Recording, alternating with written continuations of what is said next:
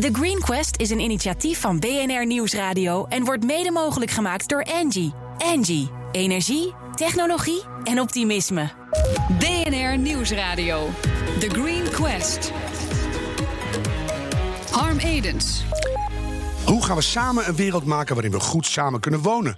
En welke innovaties in het bedrijfsleven dragen daar echt aan bij? Die zoeken we elke week in de meest zinvolle zoektocht van Nederland, de Green Quest. Wat hebben data en verduurzaming van de transportsector met elkaar te maken? Na deze uitzending weet je het antwoord. Zometeen legt Mart Zillinger, ik moet zeggen Zillinger. Het is, echt, het is geen Duits, hè Max? Nee, nee, nee. Zillinger van Route 42 uit wat zijn bedrijf digitaal doet om de transportmarkt te verduurzamen. Duurzaamheidsstratege Milan Meijenberg luistert mee als kritisch jurylid. Maar we beginnen met Jacob van Meijeren, adviseur goederenvervoer en logistiek van TNO. Jaco, we willen het probleem iets breder neerzetten. Jullie doen heel veel onderzoek naar de transportsector. Hebben jullie daar een specifieke focus bij? Uh, jazeker. Um, wij hebben eigenlijk vier, uh, vier belangrijke onderwerpen waar wij uh, mee bezig zijn. de eerste gaat over digitalisering in de logistiek, mm -hmm. wat je net al noemde. dus dat gaat heel erg over het delen van data. maar zeker ook juist het slim gebruiken van die data. alleen binnenhalen heb je niet zoveel aan. Het gaat erom wat doe je er uiteindelijk echt mee. Mm -hmm. Uh, automatisering in de logistiek is een belangrijk onderwerp waar we mee bezig zijn. Dus uh, zelfrijdende vrachtwagens, zelfrijdende treinen, dat soort dingen. Ik hoorde echt vorige week dat het nog twintig jaar gaat duren voordat dat kan. Daar verschillende meningen over. Wat denk maar, jij? Uh, ik denk dat het een stuk sneller zal gaan dan binnen 20 jaar. Het stemt vol vertrouwen in de toekomst. Dat, en, dat was zeker als het over zelfrijdende treinen gaat, dat, dat, dat kan helemaal veel sneller. Dat is makkelijker, hè? Ja, ja, ja een railtje en gaan. Precies. Nou, als je dan kijkt naar de combinatie van digitalisering en automatisering, uh, dan zijn wij aan het kijken naar een ontwikkeling als zelf, zelforganisatie in de logistiek. Uh, en dat betekent dat uh, de logistieke keten niet meer aangestuurd wordt door een planner. Maar uiteindelijk dat die vrachtwagen zelf gaat bepalen wat zijn volgende stap in de keten gaat worden. Of dat de container bepaalt of die nog een dag op de terminal blijft staan. Ja, die interesseert Of dat die doorgaat. Dan, dan, krijg je zo'n container en dan hoor je op de achtergrond bananen roepen. Wij eerst, wij eerst. Precies. Dat, dat zit eraan te komen. Ja. Ja, en dan dat zit eraan te komen. En, en de vierde, want je ging de vier noemen. Nou, maar even hierop in te gaan, want mm -hmm. dat is inderdaad wel een goeie. Op basis van sensoren in containers kan je dus kijken hoe ver het rijpingsproces is van bananen in die container. En op basis daarvan kan die container zelf bepalen of hij spoed heeft of niet. Kan hem wel even wachten. Ja. Als hij spoed heeft, moet hij als sodemieter met een vrachtwagen weg. Uh, heeft hij geen spoed, kan hij misschien gewoon met een langzame modaliteit op de binnenvaart, wat een stuk duurzamer is. Ja. En nu is dat nog niet zo. Heb je dan nu veel containers die je bij aflevering open doet dat je denkt, damn, net te laat? Uh, nee, want om te voorkomen dat dit issue optreedt, worden heel veel van die containers standaard op de weg uh, gezet. En dus zo snel mogelijk vervoerd. Terwijl dat in een aantal gevallen helemaal niet nodig is. En daar zit de winst. En nu hebben we het al een beetje over het vierde onderwerp, wat voor ons heel belangrijk is. En dat gaat juist over duurzame logistiek. Nou ja, we weten allemaal uh, het klimaatakkoord van Parijs, het Nederlandse klimaatakkoord. gigantisch grote ambities. Um, en daar zijn wij dus ook mee bezig. Dus al die data ga je verzamelen. En dan krijg je een soort nieuw idee van hoe je dat hele transport gaat vormgeven. Hoe ver gaat dat? Ja, nou, een, een, groot probleem in de logistiek is dat uh, logistieke ketens die worden vaak door heel veel verschillende partijen georganiseerd. Dus wij zijn pas met een project bezig geweest voor het vervoer tussen Rotterdam en Neuss in uh, het Ruhrgebied in Duitsland. Uh, daar zijn gewoon 15 verschillende partijen die allemaal een onderdeeltje van een schakel organiseren. En met elkaar zijn ze dus van elkaar afhankelijk voor de prestatie van die keten. Mm -hmm. nou ja, de zwakste schakel bepaalt hoe sterk de keten is. Ja. Als je 15 partijen hebt, dan weet je vanzelf dat de afstemming onderling heel belangrijk is. Want als ze dat niet doen, ja, dan weten ze niet van elkaar wat ze aan het doen zijn. Uh, maar daar gaat nog heel veel fout. En hoe meer je dat standaardiseert, hoe meer menselijke beslissing, uh, beslissingsmomenten je daar uitsleutelt. En hoe uh, harder lerend het algoritme, want dat zal er ook wel weer achter zitten, wordt, hoe beter dat gaat. Ja, nou, nu, nu ga je al uh, heel snel. Je zet al heel veel stoppen. Ach ja, um, zo ben ik. In eerste instantie gaat het erom dat die verschillende partijen sowieso data uh, beschikbaar gaan krijgen. Dat ze data gaan delen. Uh -huh. En dat je gaat kijken of je die data kan gebruiken om die processen onderling veel beter op elkaar af te stemmen. Ja, zullen we bij het begin beginnen? Waar staan deze ontwikkelingen nu? Want we, we hebben het erover. -huh. Het is nog eigenlijk heel nieuw. Ja. Is het al echt gestart? En hoe lang gaat zo'n traject dan duren voordat het echt werkt? Um, ja, het verschilt, uh, het verschilt heel erg. Er zijn een aantal koplopers in de logistieke keten die wel met dit soort initiatieven bezig zijn. Uh, en aan het kijken zijn hoe ze, hoe ze uh, die data-uitwisseling kunnen stroomlijnen. En daar juist veel betere beslissingen mee kunnen nemen in die keten. Uh, het probleem met logistiek is een beetje dat je een aantal grote bedrijven hebt. En je hebt heel veel kleinere uh, bedrijven die daarachter zitten. Uh, die niet de tijd hebben om daar heel veel, heel veel mee bezig te zijn. En daar dus ook ja, nauwelijks, nauwelijks mee aan de slag zijn. Dus het moet ze eigenlijk kant-en-klaar aangeboden worden. Dan willen ze misschien wel mee. Is er misschien een stap voor te maken? Je, je moet je als, jezelf als transportbranche ook wel inefficiënt vinden. Vinden ze dat ook? Um, goeie vraag. Um, Misschien nog anders. Maken ze zich zorgen? We zijn allemaal op zoek naar een betere wereld. Oude economische systeem is op. Mm. Nieuwe manieren. Nou, dit lijkt mij een heel goed verhaal. Moet je wel zorgen hebben als branche. Mm. Ja. Uh, ik denk dat heel veel partijen het, het probleem uh, zeker wel zien. En er zijn ook best veel partijen mee bezig die echt serieus stappen zetten om, om met die data aan de slag te gaan en verbeteringen in die keten te realiseren. Maar wat ik net al zei, er zijn heel veel kleinere partijen die het misschien ook wel zien, maar niet weten hoe. Of er geen tijd voor hebben. Alweer iets, dat soort dingen. Dat ook, ja. Dus dan is de urgentie eigenlijk nog niet hoog genoeg, zou je zeggen. Of ze zien, dat kan ook dat ze de potentiële waarde er nog niet van zien... om juist met die data aan de slag te gaan. -hmm. uh, als je ergens moeite voor moet doen en je ziet de voordelen nog niet... ja, waarom ga je er dan iets mee doen? Kan je die voordelen een beetje noemen? Stel, we gaan dat serieus doorvoeren... en die logistieke processen optimaliseren. Wat kunnen we besparen? Wat levert het op? Um, ja, dat, dat kan heel veel uh, uh, opleveren en besparen. Uh, en wij bij TNO zijn juist ook bezig om in een aantal projecten met, met een aantal marktpartijen. Um, gewoon projecten uit te voeren rond datadelen en te kijken wat je daarmee kan. En dat ook gewoon in een pilotvorm te doen. Dat betekent dus dat we gewoon in de praktijk gaan testen. Dus we gaan in de praktijk met partijen aan de slag, brengen die data bij elkaar, gaan het combineren en kijken hoe we die keten uiteindelijk efficiënter, betrouwbaarder, duurzamer kunnen maken. -hmm. Uh, en daar hebben we verschillende projecten van waarbij we dit doen. En waarbij ook heel duidelijk naar voren komt wat de voordelen zijn. We hebben bijvoorbeeld in bouwlogistiek hebben we een, een heel mooi project gedaan. Uh, daar hebben we uiteindelijk met drie consortia zijn we aan de slag gegaan. Drie grote jongens. Drie grote jongens, ja. Meisjes, ja. Precies. Um, daar hebben we die data bij elkaar gebracht. En uiteindelijk zijn we de bouwlogistieke keten in binnensteden zijn we daar gaan, uh, gaan optimaliseren met die data.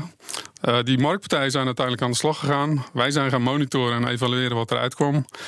Uh, en dan zie je dus dat het aantal ritten met grote vrachtwagens in binnensteden met tussen de 50 tot 80 procent verminderd kan worden. Wacht even hoor. En dat dat een besparing van 50 procent van CO2 oplevert. Dus dat is echt gigantisch. 50 tot 80 procent?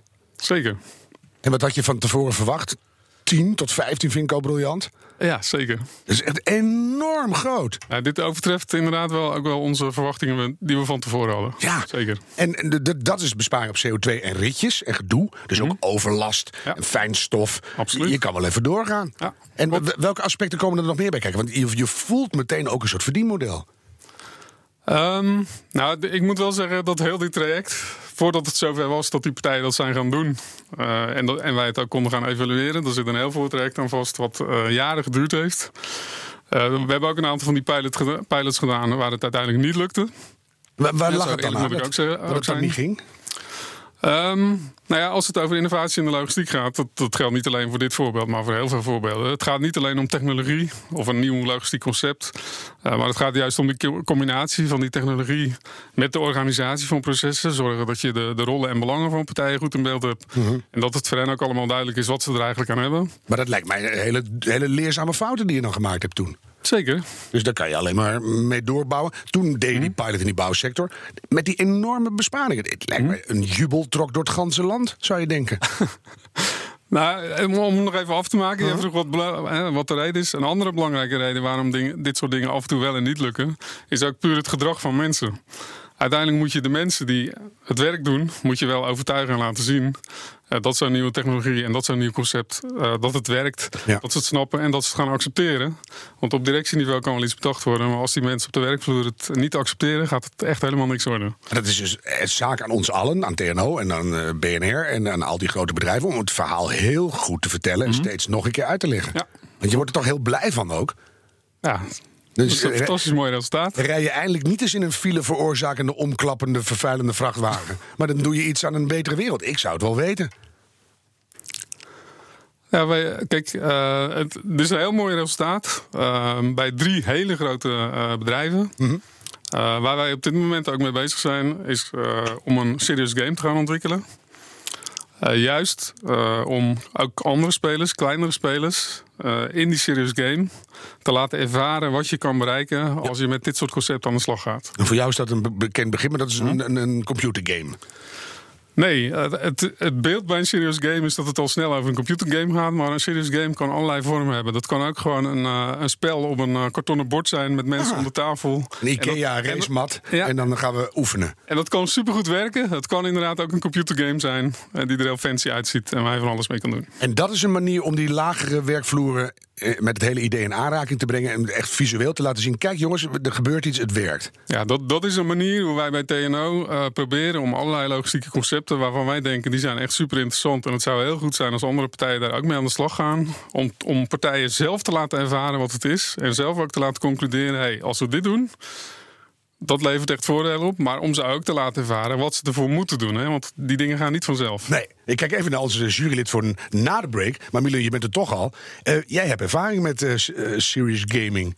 Ja, tot, tot op een zekere hoogte. We hebben, we hebben gaming wel toegepast in de festivalindustrie. Juist ook om het gedragsverandering uh, te testen. En uh, ja, die, die resultaten zijn heel, heel hoopvol. Mm -hmm. Want je krijgt echt een soort hands-on gevoel om, om een ja. probleem in te zien. En dan ook echt met oplossingen te komen. En volgens mij ook dat je stiekem, dan moet je het voor het echt gaan doen. En dan herinner je het gewoon ook in je hoofd. Dan Mhm. zie je dat plaatje weer en dan denk je, oh, dat, maar dat kan gewoon. Ja, dat is het mooie van die serious games. Je kan het gebruiken om inderdaad acceptatie te creëren. Door mensen te laten snappen wat bepaalde concepten uh, betekenen en wat ze eraan hebben. Uh, en bij partijen die al wat verder zijn, kan je juist experimenteren met verschillende vormen van een oplossing. Zodat ja. ze in een soort veilige, neutrale omgeving al dingen uit kunnen proberen. En al kunnen concluderen: dit werkt niet, dat werkt wel. En als we dat samen gaan doen, wordt het helemaal fantastisch. Dan heb je die bouwpilot echt enorm goed gedaan. Mm -hmm. Is die bouwwereld nou helemaal blij en gaan ze het allemaal doen? Um, nee, zo hard uh, gaat het niet. Kijk, die partijen waarbij we aangetoond hebben dat het werkt, uh, die gaan verder. Um, maar er zitten uit die, uit die pijlers komen ook een aantal uh, lessen en aanbevelingen naar voren. Dingen die we nog beter moeten doen met elkaar.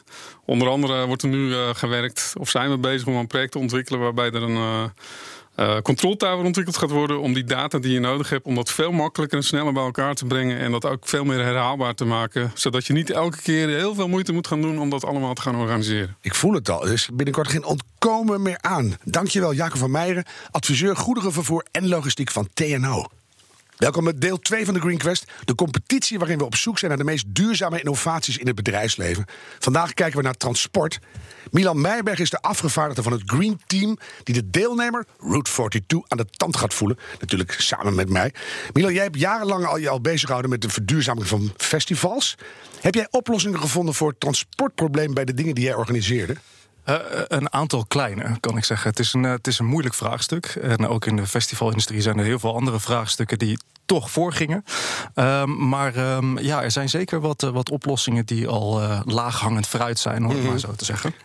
En, en kan je er één noemen van, nou, dat is, ligt zo voor de hand, maar dat deden we eigenlijk nooit? Uh, certificering. Uh, dus, uh, en dan denk ik al heel snel aan de Lean and Green certificering voor externe, externe leveranciers. Ja. En ja, dat is toch al een soort van eerste stapje om te zetten. En filosofisch dieper daaronder, gewoon ze zeggen, we hebben samen een probleem. Mm -hmm. Helpt dat ook al? Ja, het, de mensen aan tafel krijgen om het bespreekbaar te maken, dat is eigenlijk al een, een succescriteria, om maar zo te zeggen. Ja, want anders wordt het niks. Ja. ja. Ik ga bedrijf nummer 6 in de Green Gallery voorstellen en dat klinkt zo. Over 300 meter rechts aanhouden. Daarna rechts afslaan. Ja, bedankt. Dat hadden we al gezien. Have you ever wondered how your clothes, your food or even your morning coffee actually get to you? Over 200 meter rechts afstaan. Alsjeblieft. Road transport is the main CO2 emitter in international trade-related transport, producing over half of all emissions. Allemachtig. About half the time, the vehicle is not fully utilized. It's extremely important that road freight becomes more efficient. Met de vlam in de pijp scheur ik door de Brennerpas. Met mijn 30 ton van een diesel, ver van huis, maar in mijn stad. Dat is ook heel duurzaam, hè? 40 jaar oude lelijke muziek hergebruiken. Max Sillinger, jij bent partner bij Route 42 en verantwoordelijk voor de sales. Dus de- volgens mij ben je hier fantastisch op je plek. Kan jij aan Milan Meijberg pitchen wat jouw innovatie precies is? Ja, Goed voor de Toe is een transportintelligentieplatform. En wij zorgen voor een digitale transformatie eh, in de sector. Eh, wat wij doen is eigenlijk zorgen dat bedrijven data beter kunnen gaan benutten. Zodat ze direct actie kunnen ondernemen. En uiteindelijk zo een significante verbetering kunnen realiseren als het gaat om veiligheid, marge. Maar zeker ook het eh, terugdringen van de uitstoot. Ja. Zo, zo simpel is het. Ja, dat vraag je meteen. Maar de eerste reactie, eh, Milan, wat vind je ervan? Ja, mijn eerste reactie is eigenlijk eh, ehm, efficiëntie. Hè, jullie kijken naar data om vervolgens aan de hand van die data een efficiënter transport te realiseren. Nou, dat is natuurlijk goed voor de knip en daarmee ook goed voor, de, voor het milieu. Ehm, dus zeer nodig. Eh, want er zijn gewoon heel veel onnodige transporten en lege transporten. Dus ik denk eh, dat eh, het wel potentie heeft. Ja, absoluut. absoluut. En, en dat, dat zien wij ook. eh, Dat is grappig. De jurylid zegt, ik denk dat het wel potentie heeft. Je bent echt sales, hè? Je pakt er meteen over. Ja, dat is absoluut zo. Het zou heel gek zijn als je zegt, nou, dat ben ik niet met u eens. Nee, dat klopt. Dat is inderdaad eh, logisch. Maar wij, wij zien het ook door de, de bedrijven waar we mee samenwerken. eh, De resultaten die we daarin halen. En, en ook wel leuk om even terug te haken naar wat, wat Jaco eerder zei. Het hebben van data, dat is op zich niet zo bijzonder. Maar wel wat je ermee doet. En, en heel belangrijk. En dat is wat wij, waar wij wel een verschil maken. Is hoe je het gaat afleveren. Dus je moet het dus. Het, het heeft weinig zin om na een maand of twee maanden een, iets van een rapport te doen. Eigenlijk wat je wil op het moment dat er iets plaatsvindt. waar bijvoorbeeld brandstof eh, verspild wordt. of waar er onveilige situaties zijn. dat er direct actie wordt ondernomen. En, en dat zie je nog niet. En dat doen wij wel. En dat, dat slaat goed aan. Ik denk dat we voor de argeloze luisteraar toch één tandje trager moeten. Je noemde het net een Fleet Intelligence platform. Dat klinkt mooi.